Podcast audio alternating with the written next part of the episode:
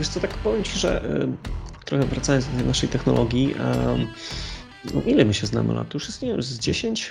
Może więcej, No, nie? ja już 10 lat, to tak mniej więcej to... No. W 2011 zacząłem pracę warą, więc podejrzewam, że jakoś na, 10. na samym początku gdzieś tam się przecięliśmy, bo to tak... Dokładnie. I, i patrz, i wtedy to były macierze, nie, jeszcze wtedy to był totalnie takie on-tapowe, nie było jeszcze tej serii E dzikiej, nie, która wywróciła rynek do góry nogami, było bardzo fajne, moim zdaniem świetna akwizycja i mega potrzebny towar na ówczesne czasy.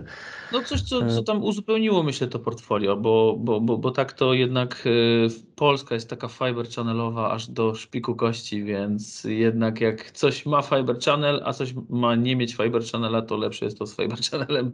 Jakkolwiek tak, by ktoś nawet nie miał pieniędzy na Switcha po prostu. Tak, albo na licencję, nie? Na porty, to tak samo tak. jest, nie? Wiesz, no, poza tym, wiesz, to też zastanawiające jest, bo zawsze popatrz, te infrastruktury w Polsce one są relatywnie niewielkie, to znaczy jak patrzysz na to, to większość firm, takie 80%, 90% ma te kilka serwerów. Tak. I w sumie to niby to opędzili, wiesz, na tym Ethernecie. Wówczas 10 giga może było drogie, ale FC zawsze było droższe. Nie? Jakby tak, nie tak, patrzeć, co zawsze było droższe, nie? No jak oni to opędzali sobie i do tego kupowali, wiesz, te dwa switche, takie jakieś Brocade albo inne MC daty, albo inne jakieś takie cuda i mieli tam zawsze zajęte tylko pierwsze 8 portów. No tak, ten Brocade, nieśmiertelny Brocade 300, 8 portów aktywnych i to jest i to jest, I to jest coś, co... klasyk gatunku, nie? Jak chcesz zrobić infrastrukturę FC w Polsce, to jest projekt na miarę naszych możliwości, proszę. I, I wszyscy tak to wykorzystywali. Tak. Potem, tak. gdzie, gdzie ten, e, tak szczerze powiedziawszy, ten, ten przysłowiowy ONTAP, o którym wspomniałeś, się troszkę zmieniał, gdzie już bezpośrednie połączenia do macierzy nie były możliwe ze względu na stopień skomplikowania samego ONTAPa, no to tak naprawdę to i Sirius tak fajnie uzupełniło, bo może, tam można było podłączyć to direct, nie? I, i dalej można, prawda? Więc... Ale wiesz co, e, Łukasz, bo w ogóle dzisiaj z nami Łukasz, Łukasz Bayer, e, człowiek, który odpowiada za no już ile, to jak wspomniałeś, 10-11 lat, NetApp w Polsce, większość albo ogromna ilość e, NetAppów przeszła przez jego ręce i też i usług coraz bardziej, mam nadzieję. O tym właśnie dzisiaj trochę będziemy rozmawiać. E, Łukasz, dzięki za, za, za pojawienie się. Mm, dzisiaj pogadamy o czymś takim, co nazywamy metaforycznie nieznana strona NetAppa. A dlaczego? Bo ja i ty, pracując tutaj jakiś czas w tym naszej branży. Po prostu jesteśmy męczeni tymi i-sery, z tymi, wiesz, tam fasami, nie? One są fajne, nie? Tu, tu nie chodzi o to, że coś się z nimi nie tak, tylko no ile można to tłuc, nie? No i się nagle pojawia w portfolio Netapa coś nowego. No i powiedz, co, co tam mamy? Co, co, co jest takiego, co może podniecić trochę starych, starych inżynierów i podstarzałych architektów? Znaczy, troszeczkę wygląda to tak, że jakby NetApp zauważył tą, tą taką, taki trend do tego, żeby jednak że, że ten hardware może nie jest aż taki sexy za każdym razem, tylko trzeba wymyślić coś innego, gdzieś podpiąć się w innym miejscu. No i przyszła nam ta szeroko pojęta chmura, jakkolwiek by to nie nazwał, i, i, i wokół tego wszyscy, albo część mówi, że buduje, część faktycznie buduje, to wszystko zależy, y, bo to na różnym etapie adaptacji tych elementów y, i czy też tych usług w chmurze nasi klienci są. Natomiast NetApp zauważył, że jakby budowanie chmury własnej, takiej jak zbudował Google, Amazon czy Azure, jest kosztowo no, nieosiągalne, tak, żeby, żeby być trzecim czy czwartym gigantem. Jest taka piosenka It's too late, apologize, nie? Po prostu wiesz, jest trochę późno, nie? Późno, jakby to było dobre 20 lat temu, nie? Kiedy to tak naprawdę zaczęło Dokładnie, się rodzić. A Teraz to jest gonienie króliczka, który bardzo szybko biegnie i ma kupę pieniędzy, nie? No właśnie, Zgadza i te chmurowe, chmurowe rzeczy. No w związku z tym, no masz tego etapa, nie? Wszyscy no. kojarzą niebieskie logo, wiesz, maciora, nie? Stojąca w szafie. No. Stoi u nas w data center i to jest jakby coś, co, co w dalszym ciągu możemy realizować, ale, ale jakby y, sam OnTap musiał ewoluować, bo, bo te usługi, które gdzieś tam w chmurze sobie klienci konsumują, bardzo często są takie troszeczkę bardziej elastyczne, więc ten OnTap, etap zdecydował się, żeby oderwać tego, tego OnTapa od tej fizycznej blachy i postawić go w troszeczkę innej formie. Stąd też y, pojawiło się, czy to jako taki pierwszy krok był ten OnTap Select, czyli taka wirtualna instancja systemu OnTap, która pozwala na od Zrobienie macierzy bez macierzy, czyli de facto wstawiamy serwer, jakąś platformę wirtualizacyjną, w tym momencie jest to VMware, na tym za, e, zaciągamy sobie tą wirtualną maszynę i dzięki temu mamy taki ten nasz przysłowiowy software defined storage. tam sobie wszystkie usługi takie, które znamy, tu, którzy ci, te, te osoby, które miały styczność z NetAppem które im się podobały, bo i, snapshoty, i deduplikacja, i kompresja, i te wszystkie historie, one działają tak samo, tylko nie muszą być kupione na tej, na tej blasze, która, która jest od NetAppa. Mogą być właśnie w postaci takiej wirtualnej instancji. I to był taki pierwszy krok, żeby, żeby zrobić jeszcze krok, pójść o krok dalej, czyli de facto y, już w ogóle zacząć bujać w obłokach, czyli ten sam OnTap wynieść również w usługach chmurowych, które są dostępne E, u tych dużych serwis providerów, do którego tego przysłowiowego źródełka pieniędzy trzeba by było się dostać, prawda? Bo to jest, to jest coś, co skoro, skoro ta chmura rośnie tak bardzo, skoro klienci chcą w to inwestować, no to tak naprawdę przydałoby się zrobić coś e, w tą stronę, żeby również to źródełko, ten strumień pieniędzy również e, wylądował no tak mówiąc kolokwialnie, po stronie portfela netapowego. Natomiast mhm. jeżeli, jeżeli jednocześnie możemy klientom w czymś pomóc, to tutaj właśnie y, jest y, pole do, te, do popisu, do tych usług, które netap robi, czyli wszystko coś, co gdzieś tam OnTap będzie miało w nazwie, tylko że nazywa się Cloud Volume OnTap, czyli coś, co możemy gdzieś tam sobie w chmurze mhm. konsumować. I to są. Okej, okay, okay, a czyli, czyli, czyli poczekaj, czyli to jest coś takiego, że masz tak naprawdę NetApp z producenta hardware'u z softem trochę poszedł tą drogą, jaką e, wyznaczali, zaczęli wyznaczać też inni duzi vendorzy, czyli stali się firmą, stajecie się firmą software'ową, nie? Czyli czymś, co tak naprawdę można oderwać od tego sprzętu, ale tą wartość dodaną, którą to niosło, przenieść w miejsce, gdzie chcesz być. Niekoniecznie tak jak mówisz, musisz być w on-premie, nie? Dokładnie. Chociaż moim może... zdaniem wiele firm dalej będzie miało on-prema, ale to jest moje prywatne zdanie. Natomiast ja myślę, e, że... myślę, że w chmurze fajnie mieć jednolitość, nie? I to o to chodziło, o tą jednolitość? Tak, znaczy to chodziło bardziej o taką jednolitość nie tylko w chmurze, ale w zasadzie w obrębie całego środowiska, bo ja też przychyliłbym się do, do Twojego zdania e, odnośnie tego, że jednak całkowicie w chmurę to większe organizacje nie pójdą. Część, część usług musi zostać lokalnie, więc bardziej chodzi o to, żeby mieć taki jeden e, workflow do zarządzania danymi. Niezależnie od tego, czy mamy je u siebie, czy mamy je na sprzęcie, który nawet nie jest netapowy, czy też mamy je w chmurze, więc mamy taki sam zestaw narzędzi, i wszystko to, co znamy ze środowiska on-premisowego, możemy wykorzystywać w chmurze, korzystając z tamtych zasobów yy, oblicz mocy obliczeniowej, mhm. czy też z tamtej przestrzeni. Powiedz mi jedną rzecz, no wiesz, bo jak patrzę sobie na projekty takie hybrydowe, które realizujemy, nie, to bardzo często mm, środowiska powiedzmy e, cloud native, nie? W hyperskalerowe, o których dzisiaj w sumie rozmawiamy, czyli dużych hyperscalerów, one mają zupełnie zestaw, inny zestaw ludzi, którzy nimi zarządzają. No bo wiesz, my no, wywodzimy się z pewnych umiejętności. Ja mówię o nas, no, trochę się tu, tu tożsamiam z tym, że wiesz, nie, na kabloza, macierze, to wszystko to, to jestem ja trochę. I tak samo ty, że, e, że my wyrastamy z takich umiejętności, nie? Natomiast w tam, tamtej stronie y, lubiane są inne rzeczy. To znaczy, wiesz, to może tak śmiesznie zabrzmi, ale lubiane są takie rzeczy typu, wiesz, automatyzacja, właśnie to, co powiedziałeś, trochę workflowy i tam wiedza bardzo często o FC, nie, przysłowiowym, no, czyli to... o zoningu, nie istnieje, bo ona jest tam niepotrzebna. Jak byście tak. sobie poradzili z tym, że wzięliście produkt ze starego świata, the legacy world, nie, i poszliście w ten cloud native, i, i, I to jakby ci ludzie chwycili to, że to im pomaga, a nie, że oni muszą się uczyć jakiejś zmurszałej technologii sprzed 40 lat. Tak jak często mówią o czymś, co po prostu jest w legacy, nie?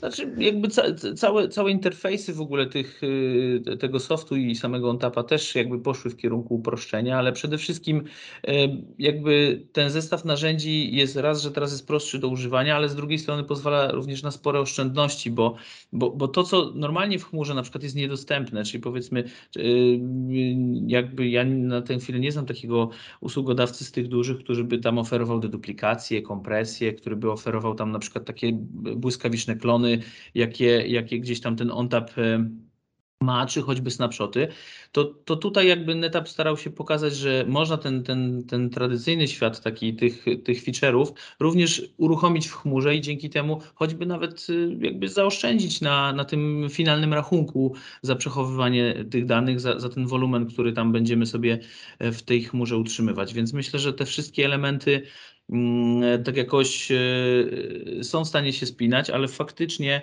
jest tak, że wiele narzędzi, które NetApp pisze wokoło tego softu, ma przede wszystkim usprawnić pracę i e, ułatwić takim osobom, które z tym hardwarem nie miały do czynienia. Owszem, taka wirtualna instancja w chmurze też będzie obsługiwała iSCSI, tego Fiber Channelu nie będzie mieć z wiadomych przyczyn, ale to iSCSI też wystawi, ale wystawi CIFSA, wystawi NFS-a, więc jest w stanie zrobić bardzo wiele, wiele różnych czyli, rzeczy.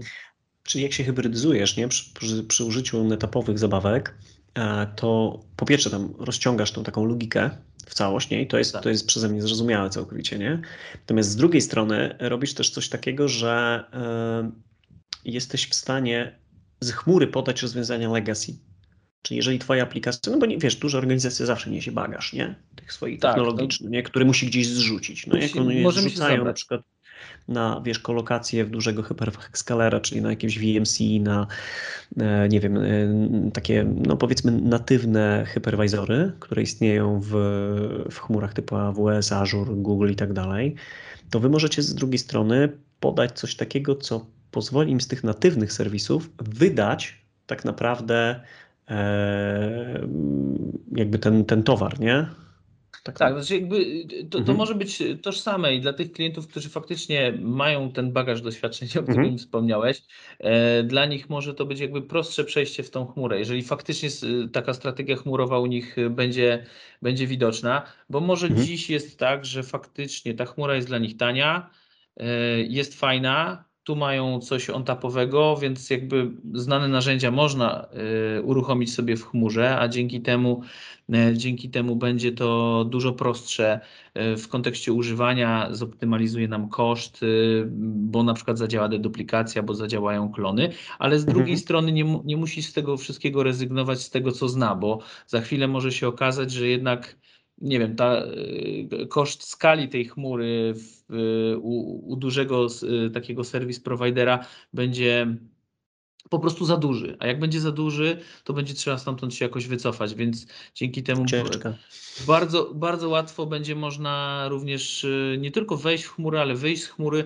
generalnie zająć się takim, y, przede wszystkim skupić się na zarządzaniu danymi, y, na tym, że my mamy z tych danych wyciągnąć jakieś wnioski, my mamy, ty, te dane są dla, dla nas takim zasobem, który są, nie wiem, jak nieruchomości, mają generować zyski, a niekoniecznie mamy się zastanawiać, w jaki sposób my to tam umieścimy, w jaki mhm. sposób sobie to stamtąd pobierzemy. Także e, to ma gdzieś tam iść w kierunku takiego uproszczenia. I to, co ja widzę, kiedyś słyszałem taką ciekawą analogię jeszcze wśród netapowców, że y, trochę, trochę firma Apple i, i te wszystkie iPhony, które gdzieś tam w kieszeniach sobie trzymamy, Oczywiście, jeżeli się jest wyznawcą tej czy drugiej technologii, ale to nieważne.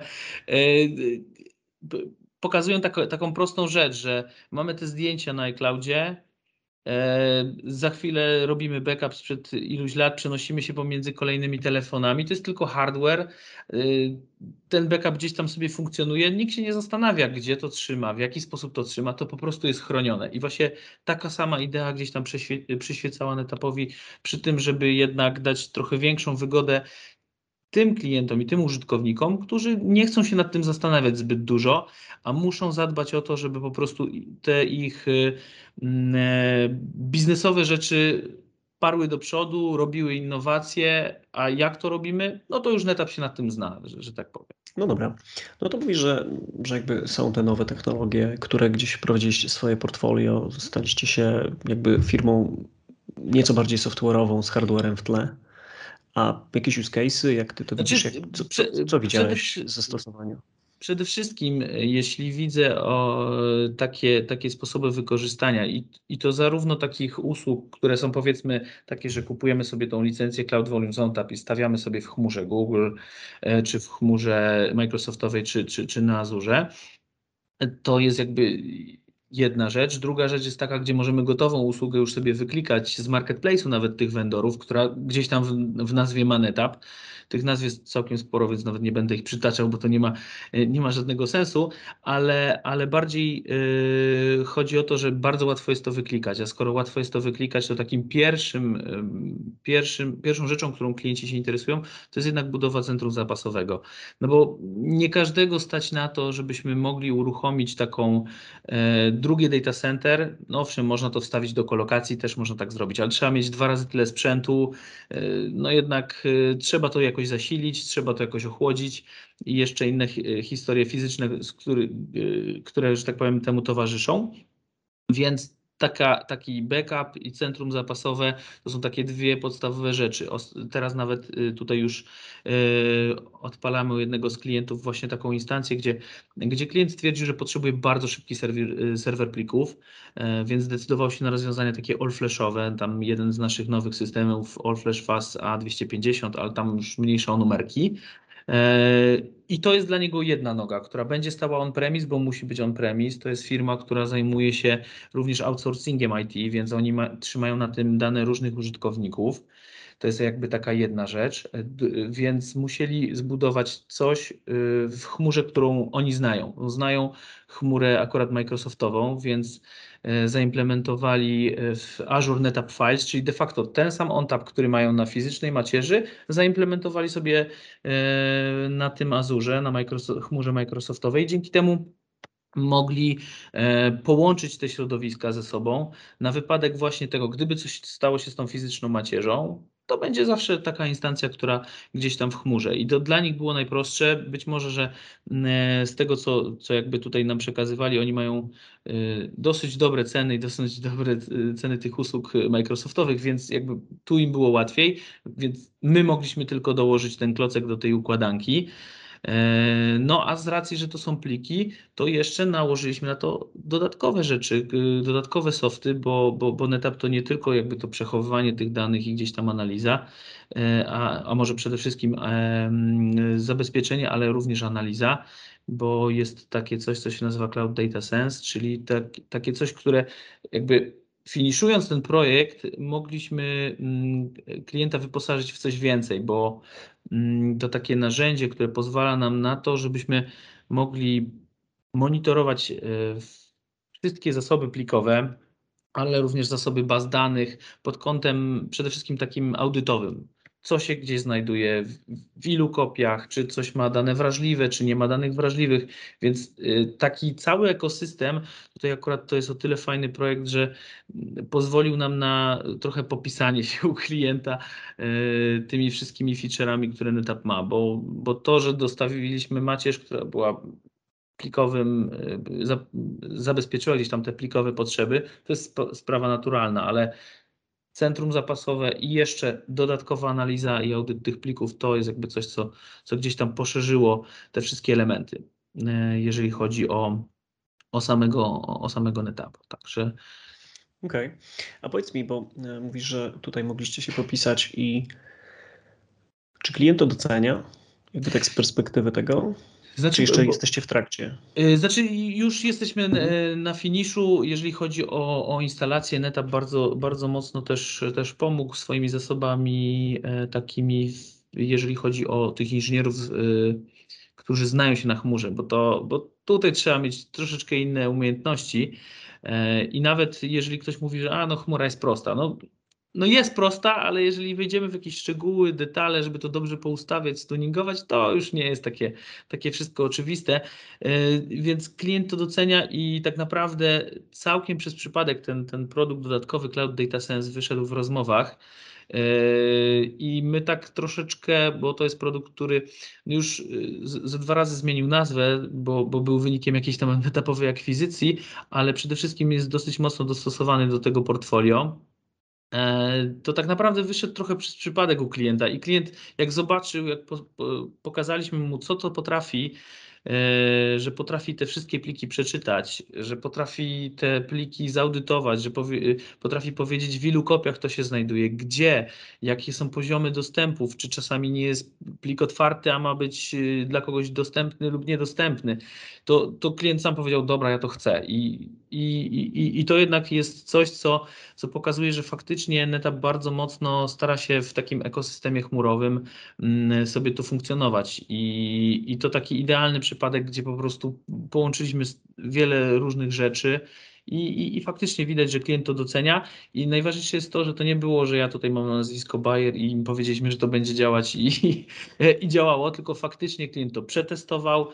Wstawił tą macierz fizyczną, wystawiliśmy zasoby z, na, na Microsoft Azure, de facto tej usługi Azure NetApp Files i klient sobie to przełączał wielokrotnie, mhm. mielił dosyć mocno że tak wejdę ci w słowo, myślę, że to jest bardzo istotne. To znaczy, że ten świat tego świata hardware'owego, który sklepiał się kiedyś na dostarczaniu rozwiązań, e, powiedzmy, problemów typu fizyka, wiesz, po prostu pojemność, rzeczy związane z taką dość generyczną potrzebą klienta, a nagle się zmienia w to, że dostarcza usługi, które dają wartość biznesową, no bo zupełnie coś innego, nie? Z jednej strony adresujesz temat tej pojemności, nie? Tak. Tego, co on potrzebował sensu stricte od zawsze, nie?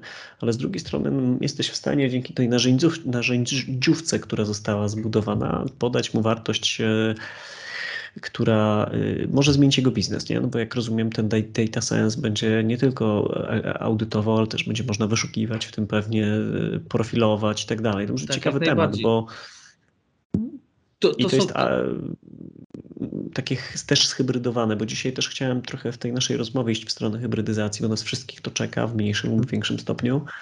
Czasami będziemy mieli użytkowników w on-premie, a całą resztę systemów w chmurze. Niektórzy to nazywają już chmurą publiczną, nie? ale się okazuje później, że jednak trochę systemów działa w on-premie, więc ta hybrydyzacja w one way or another będzie z nami. No i właśnie jak, jak ty to widzisz? No bo mieliście taki projekt, w którym połączyliście ten świat. Rozumiem, że zapewniliście przenaszalność danych, tą analizę. Mm, czy klient dzięki temu buduje na tym kolejne wartości, czyli myśli sobie, o dobra, to działa, to, to może zmieni jeszcze ten proces biznesowy, jeszcze może to trochę tam po, po, po, posypie netapem, nie?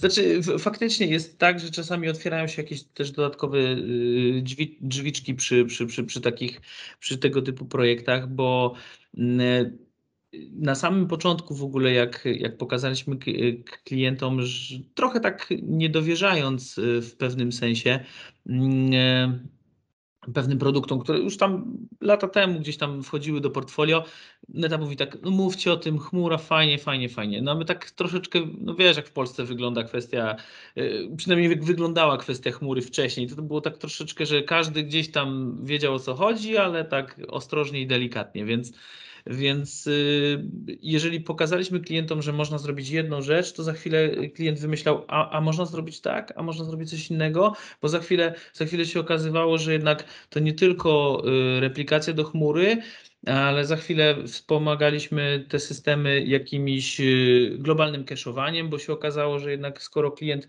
y, fajnie na przykład ten serwer, serwer plików działa też w chmurze, oprócz tego, że działał u nas y, on-premisowo, ale mamy jakieś jeszcze mniejsze centra powiedzmy lokalne, do których może mniejsza ilość danych, ale jednak oni mają mieć dostęp do tego centralnego serwera plików. Czasami narzekali na wydajność.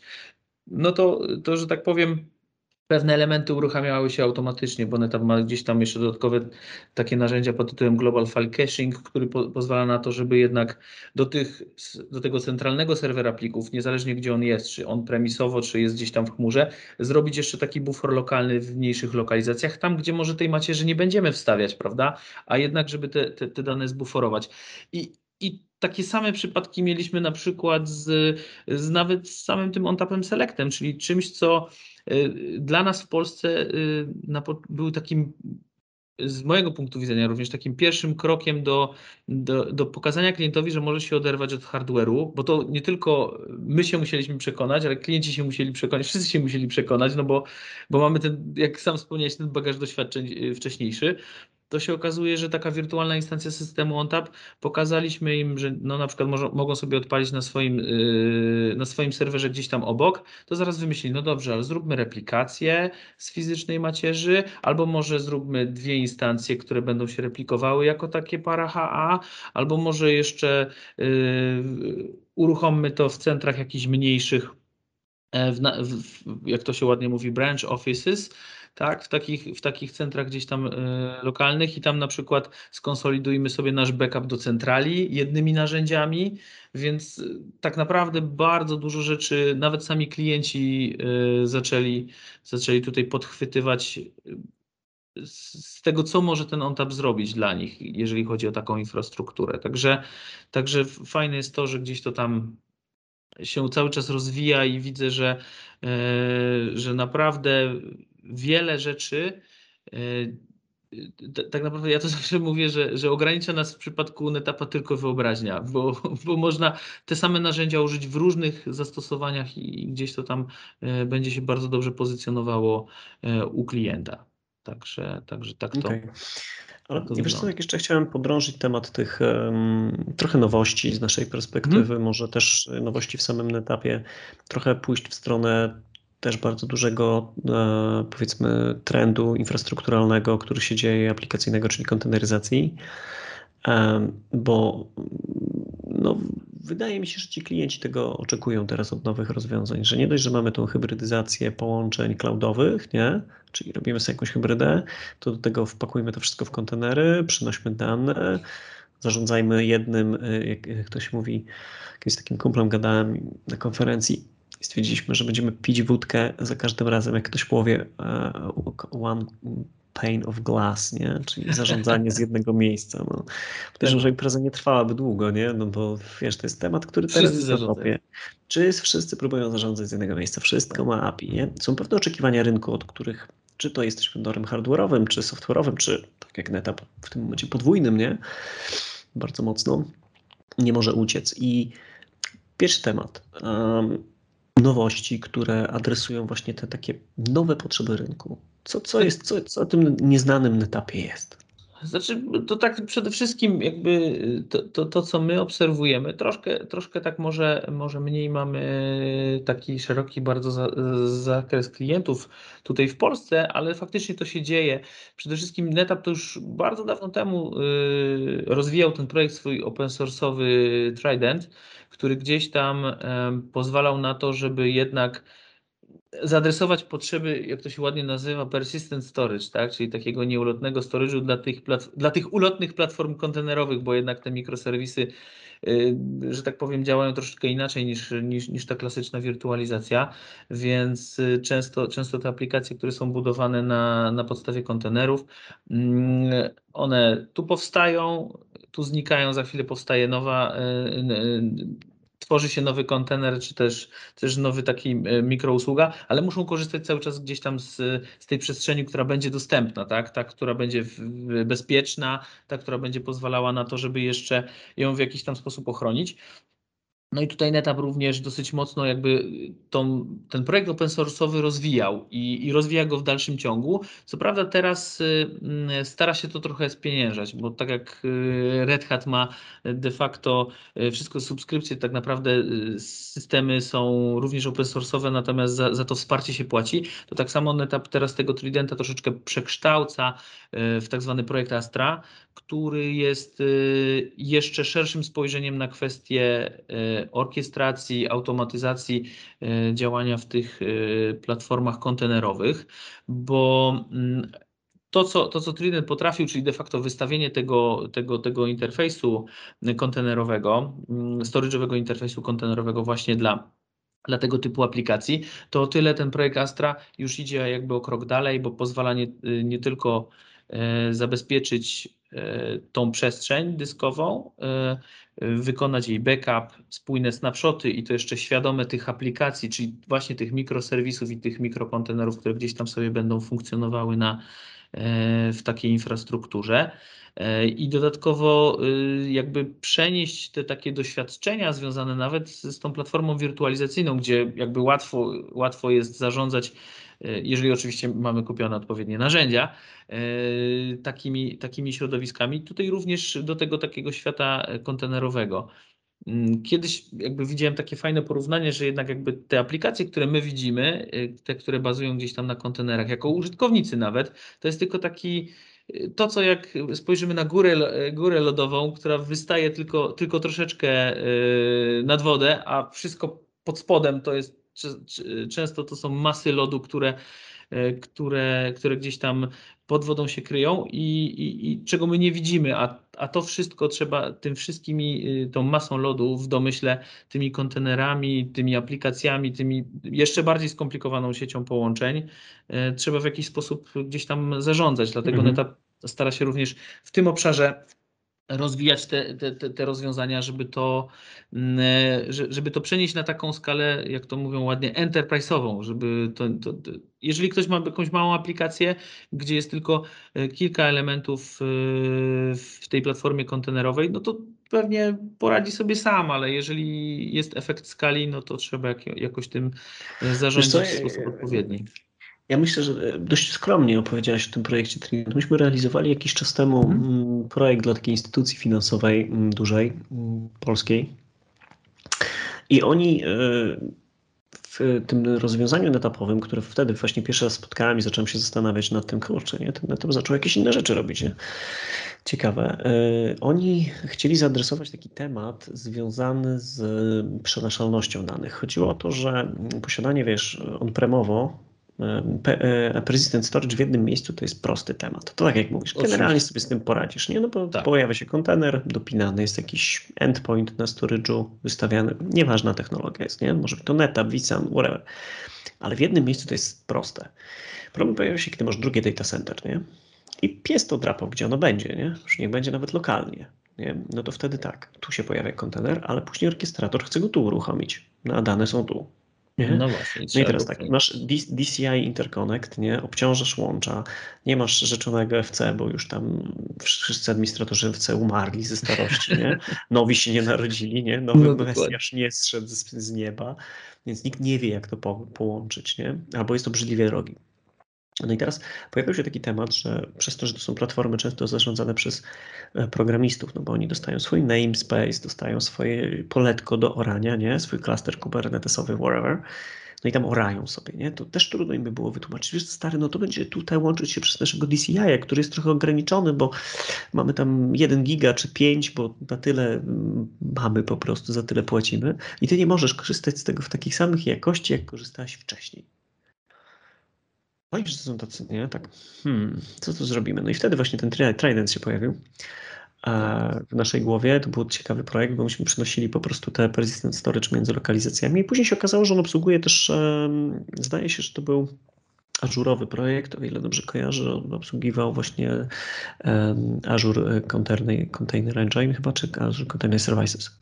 Tak. No i mm, no i to było fajne. Znaczy, no to, to, to, to faktycznie jest też tak, bo jakby to, to czego, nie czego nie powiedziałem, bo y, żeby ułatwić tą przenaszalność przede wszystkim, dlatego też jakby to, to nawiązuje do, do tego, od czego zaczęliśmy, bo y, ten y, Trident, on jest w stanie dobrać się do wszystkiego, co jest gdzieś tam pod spodem netapowe, czyli, czyli czy, czy to jest wirtualny ONTAP, czy to jest fizyczny ONTAP, czy to jest AFF. FAST, czy cokolwiek byśmy nie mieli, dla niego to jest wszystko jedno, więc tak samo czy... Ja myślę, że to jest magia.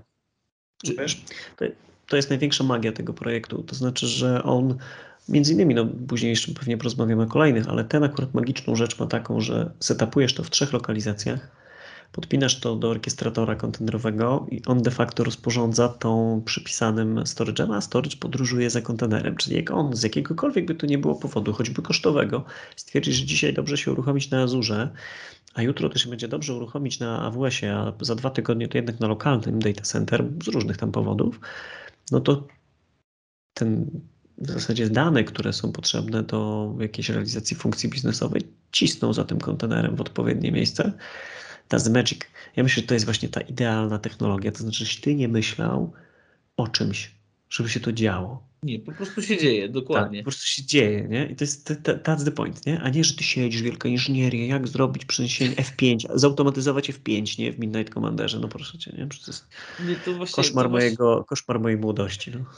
To właśnie jest to, to często tak, że, że jakby jak, jak mówisz o tym, że y, w zależności od tego, z jakiego powodu chcemy sobie to przenosić, to, to też widać, że jakby NetApp dosyć mocno nie przywiązuje się już do tego hardware'u. Y, już nie mówiąc o tym, co się dzieje teraz, że jakieś braki komponentów, i to nie mówię o etapie, ale generalnie o wszystkich, y, wszystkich takich hardware'owych vendorach, że w którymś momencie ten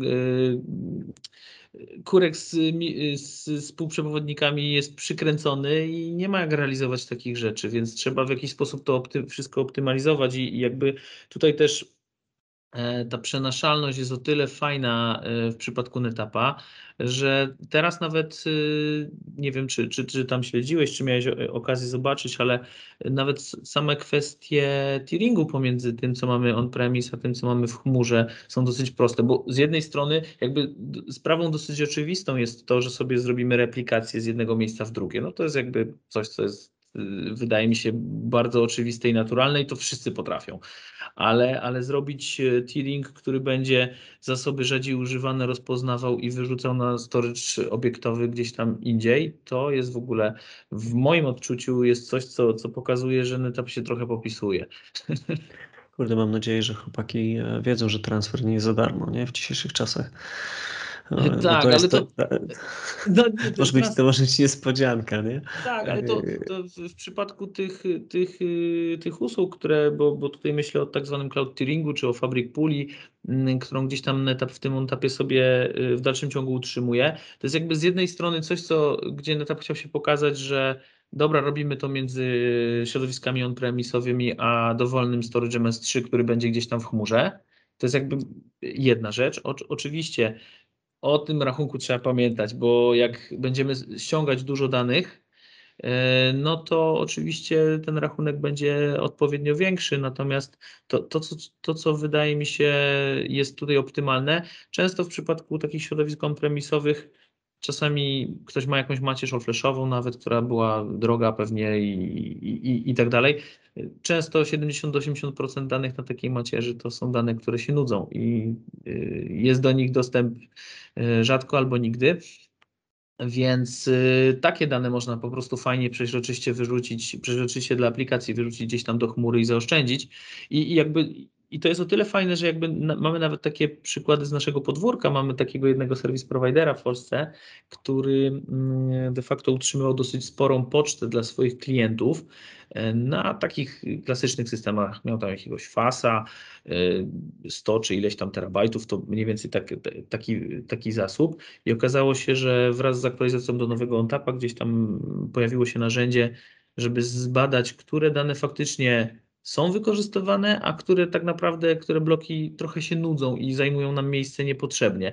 I okazało się, że praktycznie te skrzynki, które czasami osób, brzydko powiem, już gdzieś tam umarli albo poumierali, on musi trzymać, tak, bo taką ma umowę, a u klienta już ktoś tam na przykład nie pracuje, czy, czy, czy, czy stało się właśnie coś jeszcze gorszego, no to tak naprawdę ta skrzynka tam jest. No to po co ona ma być na szybkim storage'u, jak y, nie ma takiej potrzeby, więc może gdzieś tam trzeba to automatycznie wyrzucić, ale przecież on, on jako taki service provider nie będzie zastanawiał się nad tym, którą skrzynkę może przenieść gdzie indziej, no bo to za dużo pracy jest, tylko trzeba to zrobić y, z poziomu bloków y, automatycznie, dlatego też y, tutaj zdecydowali się z kolei na wykorzystanie tego tieringu i większość danych wyleciała, ale o dziwo nie do chmury, bo sam jest ten, ten, ten, ten przykład, o którym mówię, ten, ten service provider, jest to firma, która no, ma u siebie dużo macierzy, więc tak naprawdę NetApp e, umożliwia wykorzystanie tego tieringu nie tylko pomiędzy tym, co mamy lokalnie, a tym, co mamy w chmurze, ale również tą chmurą może być coś dowolnego, e, nawet, NetApp, e, nawet system, który odpalimy sobie ONTAP z protokołem S3, bo tam teraz też jest taka możliwość. Dzięki temu E, jedną macierz ma all-flashową, drugą ma jakąś wolniejszą i w ten sposób sobie przerzuca dane pomiędzy tymi systemami. Także a, trzecia, naprawdę... a, a, trzecia, a trzecia na laptopach. Rozproszamy laptopy, nie? żeby było tanio. Chociaż w dzisiejszych czasach to nie będzie chyba tak tanio, nie? bo dostać laptopa to w sumie łatwiej chyba kupić serwer. E, tak. Jeszcze tak Ładnie. wracając do, do tego naszego tematu a propos tej konteneryzacji, no powiedziałeś ciekawą rzecz, która mm, myślę, że też jest istotna do zaadresowania, to znaczy backupy. Chodzi o tą świadomość backupu, to, że wiemy, co jest w środku i wiemy, jak, e, powiedzmy, czy zesnapshotować go, czy zbackupować w taki sposób, żeby dało się to odzyskać działające. No bo teraz wiesz, backup taki na pałę, nie? Czyli po prostu robisz agent less backup, nie? Czy tam snapshot, no to on użyna wszystko, nie? I tam się specjalnie zastanawia, po prostu, nie? I od tej sekundy masz backup. Czy snapshot. No i to jest spoko, dopóki aplikacja nie jest na to czuła, nie? Kiedy faktycznie to jest aplikacja, która no jest e, stateless, no to dla niej to nie ma znaczenia, ale no moje doświadczenia pokazują, że aplikacji stateless e, nie ma dużo. To znaczy one są takim złotym gralem, nie? Wszyscy by chcieli je osiągnąć, ale to osiągnięcie zajmie im trochę czasu. A, siłą rzeczy, jak masz persistent storage, no masz stateful jakiś, nie? Tak. No więc e, to jest ciekawą opcją i to jest jakoś kompatybilne z innymi vendorami niemnetapowymi. To jest jakiś mechanizm, który wyście wyprodukowali. E, jak to wygląda? Co, znaczy, to jest? E, generalnie w, jakby w, samy, w samym projekcie Astra, który gdzieś tam ułatwia działanie, no jakby on korzysta z tego Tridenta, jest możliwość jakby przypisania e, poszczególnych grup e, tych kontenerów, które, które mamy gdzieś tam uchwycić w stanie spójnym. No i dzięki temu jakby grupując te usługi, które są budowane dla danej aplikacji na podstawie tych, tych kontenerów. Możemy je gdzieś tam obsłużyć e, w sposób właściwy, tak żebyśmy mogli je e, uchwycić w takim stanie, który będzie pozwalał nam na to, żeby, e, żeby to nie tylko był zrobiony backup, z którego nikt nie będzie korzystał, ale żeby właśnie na przykład zrobić backup, ale też z niego skorzystać w kontekście takim, że wyniesiemy sobie go gdzieś obok, sprawdzimy, czy on działa, E, więc cały czas te technologie, które wszystkie netapowe, które znamy z tego starszego świata, e, bazują, że tak powiem, na tym. Natomiast ten open source'owy projekt, który przerodził się już w projekt, który projekt Astra e, dba o to, żeby, żeby tą spójność tutaj zachować, jeżeli chodzi o te aplikacje. Mhm. Także jakby jak najbardziej to, to, to, to, to tak będzie funkcjonowało. Okej, okay. no dobra, no mam projekt Astra, mm, który jest fajny, bo rozciąga nam tą, umożliwia takie no, trochę bardziej naturalne przejście do hybrydyzacji rozwiązań kontenerowych, nie? To też jest fajne i myślę, że to trzeba wziąć pod uwagę, bo podczas projektowania. E, powiedz mi jeszcze o jakichś takich use case'ach właśnie na te rozwiązania mm, okołochmurowe, te nowoczesne software'owe rozwiązania od NetAppa, które gdzieś tam się spotkałeś na polskim rynku. To mnie najbardziej to ciekawi. No to powiedzmy w tym regionie. Może tak, to region też może być trochę no, szerszy. E, region. E, no, jak, jak, jak to widzisz? Takie wokołochmurowe. Przede wszystkim jakby to, to, co, to co ja widzę, to jednak takie są te, te kroki w kierunku chmury są takie delikatniejsze, ale bardzo często mamy takie przypadki e, wśród klientów, którzy często nie byli netapowi. Powiedzmy, to jest taki przykład, który tak e, My pokazujemy trochę to jak chmurę. To nie jest chmura, bo to, bo to ta wirtualna instancja systemu ONTAP jest też gdzieś tam on-premisowo postawiona, albo może być postawiona u jakiegoś serwis providera w kolokacji i po prostu wiemy, na którym ona serwerze tam sobie hula.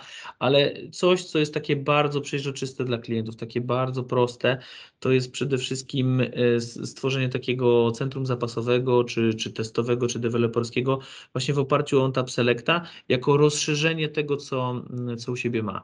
Bo bo, mhm. bardzo często mamy przykład taki, że przychodzimy do klienta, klient ma jakąś macierz innych producentów i tak musi się z nią rozstać, bo mu się skończył leasing albo tam jeszcze jakieś inne historie. Y, czy tam też ta laurka za serwis była zbyt, zbyt y, y, fajnie namalowana.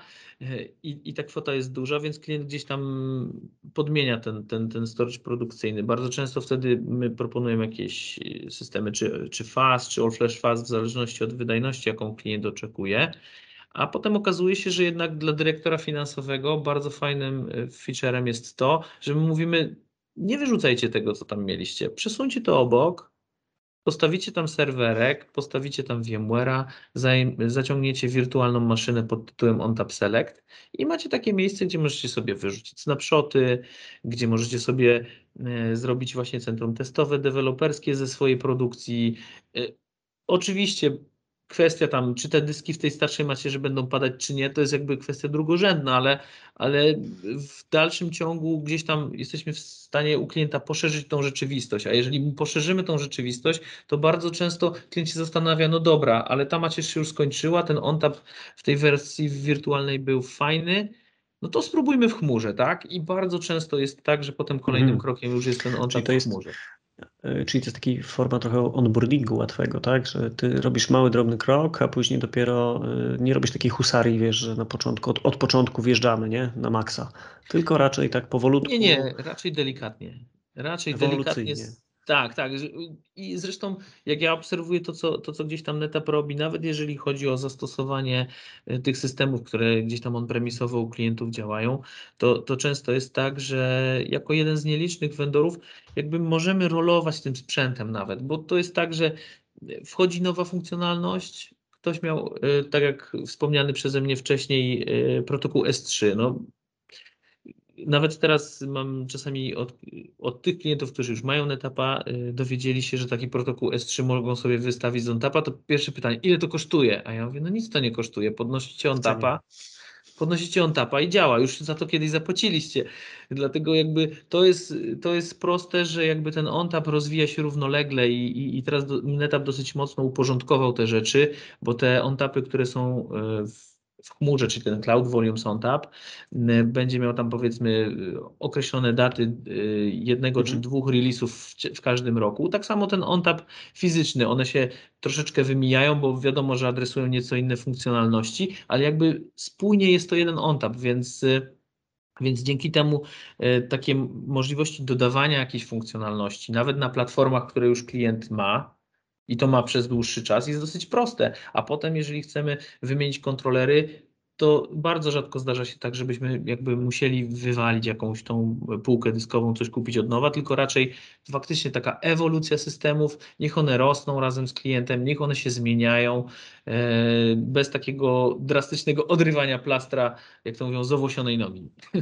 A poza taką waszą ewangelizacją, trochę opowiadaniem o tym, zdarzają się tacy, takie case'y, tacy klienci, którzy pojawiają się i mówią, słuchaj, Chciałem tam na stronie, na konferencji, gdziekolwiek e, ciekawe rozwiązanie NetAppa, pokaż mi je.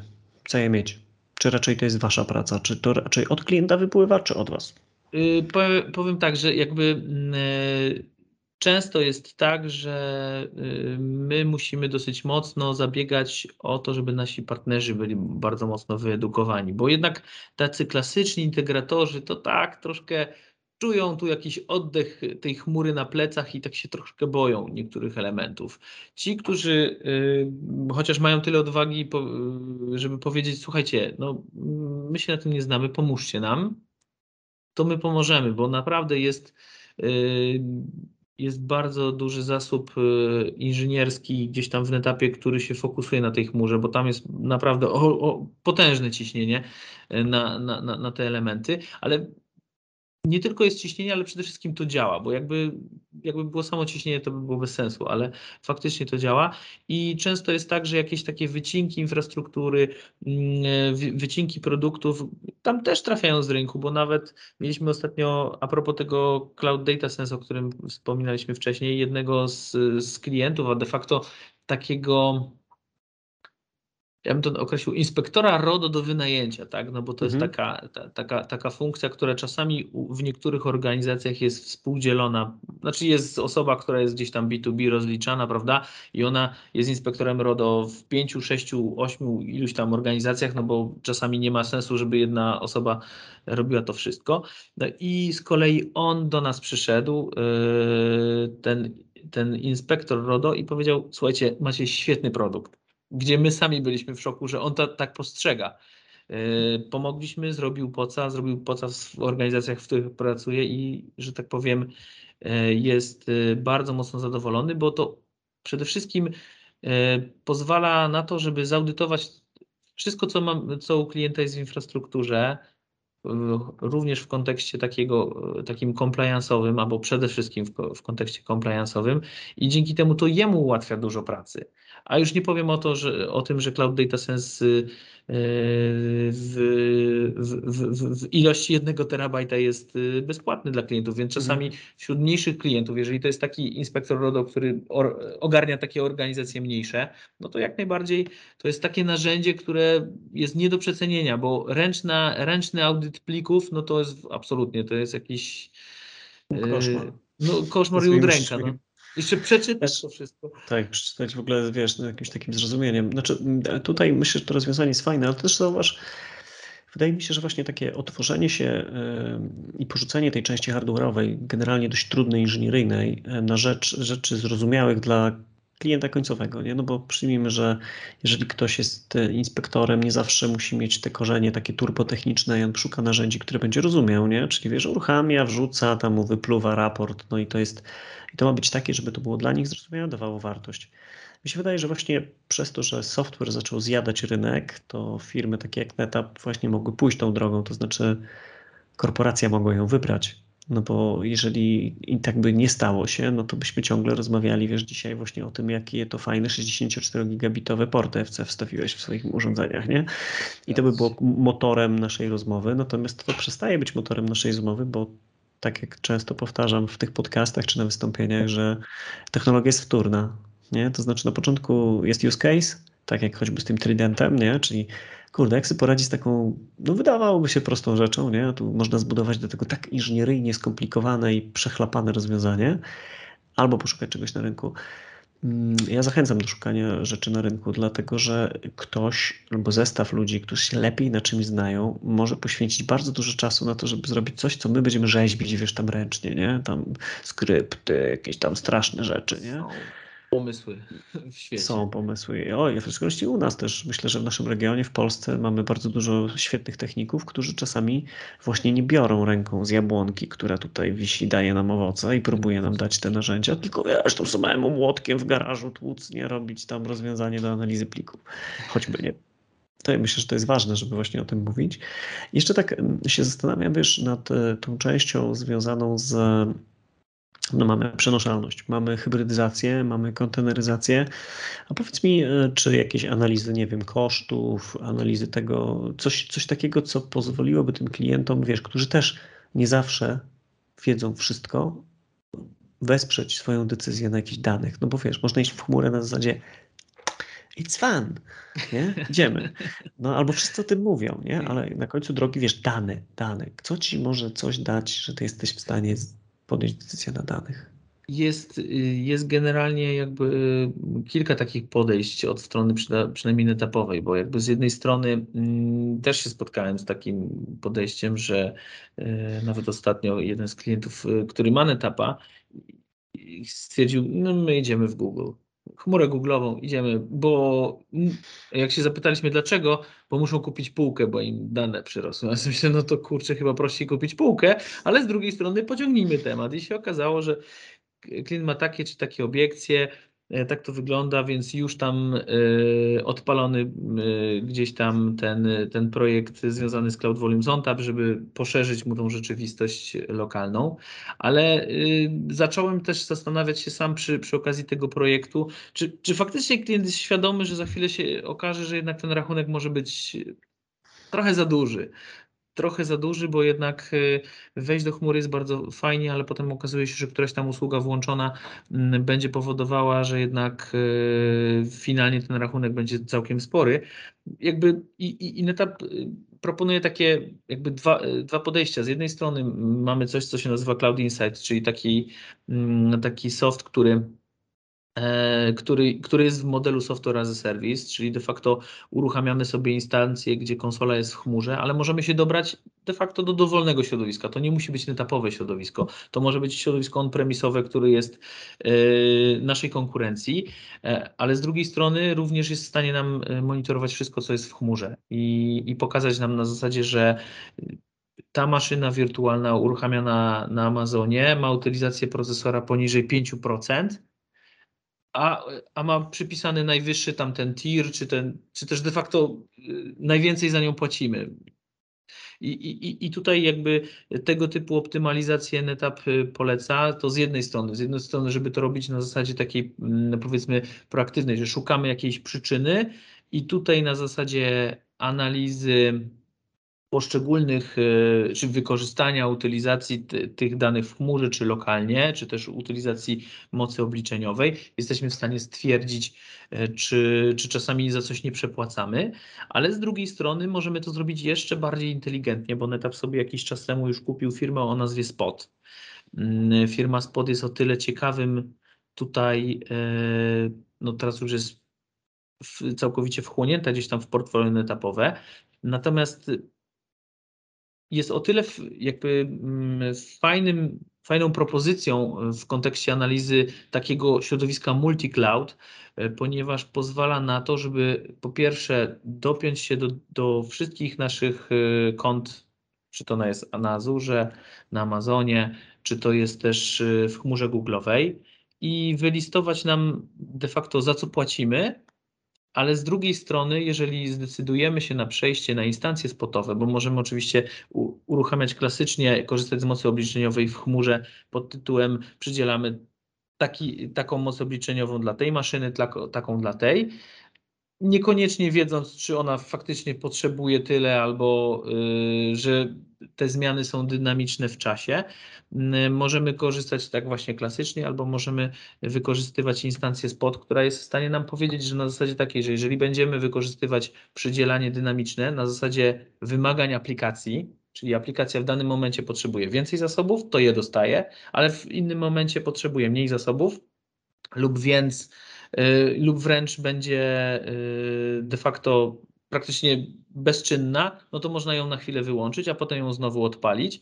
Y, to to, to oprogramowanie spot będzie w stanie mm, nam dopasować moc obliczeniową, z której korzystamy w chmurze w sposób dynamiczny i przede wszystkim zaoszczędzić. A to, co jest w ogóle dla mnie turbo ciekawe, to jest sposób rozliczania takiej aplikacji, bo to nie jest tylko to, że, że mm, powie nam ta aplikacja, że nie wiem, jak teraz płacimy rachunek 10 tysięcy dolarów miesięcznie za wykorzystanie tej mocy obliczeniowej w chmurze, przy wykorzystaniu spota będziemy powiedzmy płacić 2000 dolarów, to tak naprawdę my zapłacimy rachunek do Netapa jako procent od tej oszczędności. To w ogóle mhm. dla mnie jest y, fenomenalne. Nic nie oszczędzamy, nic nie oszczędzamy, no, okay. no to nic nie no płacimy, nie? Więc, no, Ma to sens, nie? No trochę inaczej niż na przykład kupisz sobie samochód, który ci nie odpowiada, nie? Trudno będzie się go pozbyć, no, nie? to już wtedy e... jest trudno. Jeszcze jedna rzecz, wiesz co, tak, taka myśl, którą, e, która zawsze chodzi za mną, nie? No bo chmura zjada świat, nie? IT, jakby nie patrzeć i, i w pewien sposób dobrze, jakby w pewnych use case'ach. E, natomiast nie obawiacie się tego, że taki onboarding do clouda, który wykonacie za pomocą swoich narzędzi sprawi, że mm, klienci zaczną przychodzić do natywnych rozwiązań, danych hyperskalerów, nie? No bo wiesz, OnTap daje teraz taką wartość dodaną, na przykład OnTap, nie? Czy to Cloud Volumes, czy cokolwiek, no dają wartość dodaną, która tak. teraz jest sexy, nie? Jakby ma sens. Natomiast e, czy to nie jest tak, że za jakieś kilka lat y, klienci, nie wiem, pozbędą się tego bagażu, nie magicznie? Czy, czy, jakie ty masz poczucie? Czy to nie jest tak, że skracasz drogę klientom do tego, żeby zrezygnowali finalnie z twoich rozwiązań? Znaczy, ja myślę, że y, można by było tak z, z, bardzo takiej, powiedzmy, czysto prozaicznej przyczyny mogło, można by było powiedzieć, że a dobra, to odpuszczam wszystkie tematy, które są w chmurze, ale z drugiej strony y, to, co, to, co ja widzę, to przede wszystkim takie mm, trochę przywiązanie klienta do pewnego sposobu działania pewnych, pewnych rzeczy. Owszem, jakby te rzeczy, które są w chmurze, czyli ten ONTA w chmurze, ma przede wszystkim służyć do tego, żeby obniżyć ten rachunek za chmurę, bo, bo po to tam deduplikacja, po to te klony, po to te wszystkie inne rzeczy. E, ale z drugiej strony ma też przyzwyczaić klienta do pewnego zestawu narzędzi. I ja myślę, że wśród tych klientów, którzy za jakiś czas będą się w tej chmurze czuli bardzo dobrze, będą rośli bardzo mocno, to ja myślę, że i tak warto w nich zainwestować, bo oni za chwilkę wrócą. Oni za chwilkę wrócą. No właśnie, bo... ja tu, tu, jest, tu mam do Ciebie pytanie jeszcze takie finalne, finalne, że przestaniesz kiedyś handlować macierzami, jak myślisz? Myślę, że myślę, że y, personalnie, personalnie może tak, chociaż ja już jestem strasznie sformatowany. Bardziej w kontekście netapa, no. Ale ty wiesz, że po prostu przyjdzie taki offering, nie, w którym znikną pudła. Podejrzewasz to? Kurczę, na razie ciężko mi w to uwierzyć by było. Y, wydaje mi się, że y, jakby cały czas jest, jest jeszcze tyle niezaadresowanego, jak to mówią, placu, bo spotykamy się często z bardzo niewielkimi klientami, którzy taką tą swoją ukochaną i Sirius pierwszą chcieliby sobie kupić do swojego małego data center, powiedzmy nawet nie data center, tylko pokoju serwerowego, czy tam, y, czy tam biurko, czy, czy tam szafeczki jakieś niedużej. I, i takich klientów jest całkiem sporo, mimo że się trąbi, że ta chmura będzie dla nich prostsza i tak dalej, żeby sobie uruchomić, ale jak, jakieś takie przekonanie nie jest, więc w moim odczuciu myślę, że nie, cały czas gdzieś tam będziemy, będziemy wałkować pewne elementy, może troszeczkę na inną skalę, może te rozwiązania będą trochę bardziej, bardziej inteligentne, lepiej będziemy starali się wykorzystać to, co jest e, u klienta, dlatego też e, te wszystkie pomysły, my, my, się nie boimy o tym mówić klientom, chociaż można, można byłoby się faktycznie pokusić o taki takie stwierdzenie, tak jak ty powiedziałeś, że no, damy im coś, a oni potem stwierdzą, dobra, to nie potrzebujemy, zostajemy w tej chmurze, bo nam wygodnie. Ale jednak cały czas e, rozwój tych produktów i, i optymalizację, nie, nie, pojawiałyby się nowe rzeczy, gdyby jednak y, takie hybrydowe podejście nie miało na dłuższą metę większego sensu. Może mniejsze organizacje, fakt, będą gdzieś tam sobie chciały użytkować tą chmurę w 100%, ale większe organizacje muszą zostać lokalnie, bo bo, bo też musimy coś robić. Mhm. No słuchaj, e, Inleocast numer 11 dobiega powoli końca. Z nami był Łukasz Bayer, Arrow, e, człowiek, imperator Netapa e, tutaj. E, ja nazywałem się Maciej Lelusz. Myślę, że takim optymistyczno-pesymistycznym akcentem dobrze zakończyć, bo to zawsze pozostawia trochę takiej przestrzeni, żeby sobie to po, po, pokminić. Więc dziękuję Wam ślicznie za czas, za, za tą godzinkę razem. Łukasz, jeszcze raz dziękuję pięknie i co? I, i do zobaczenia w realu, do usłyszenia. No, trzymajcie tak, się na razie. Cześć. Dzięki bardzo. Cześć.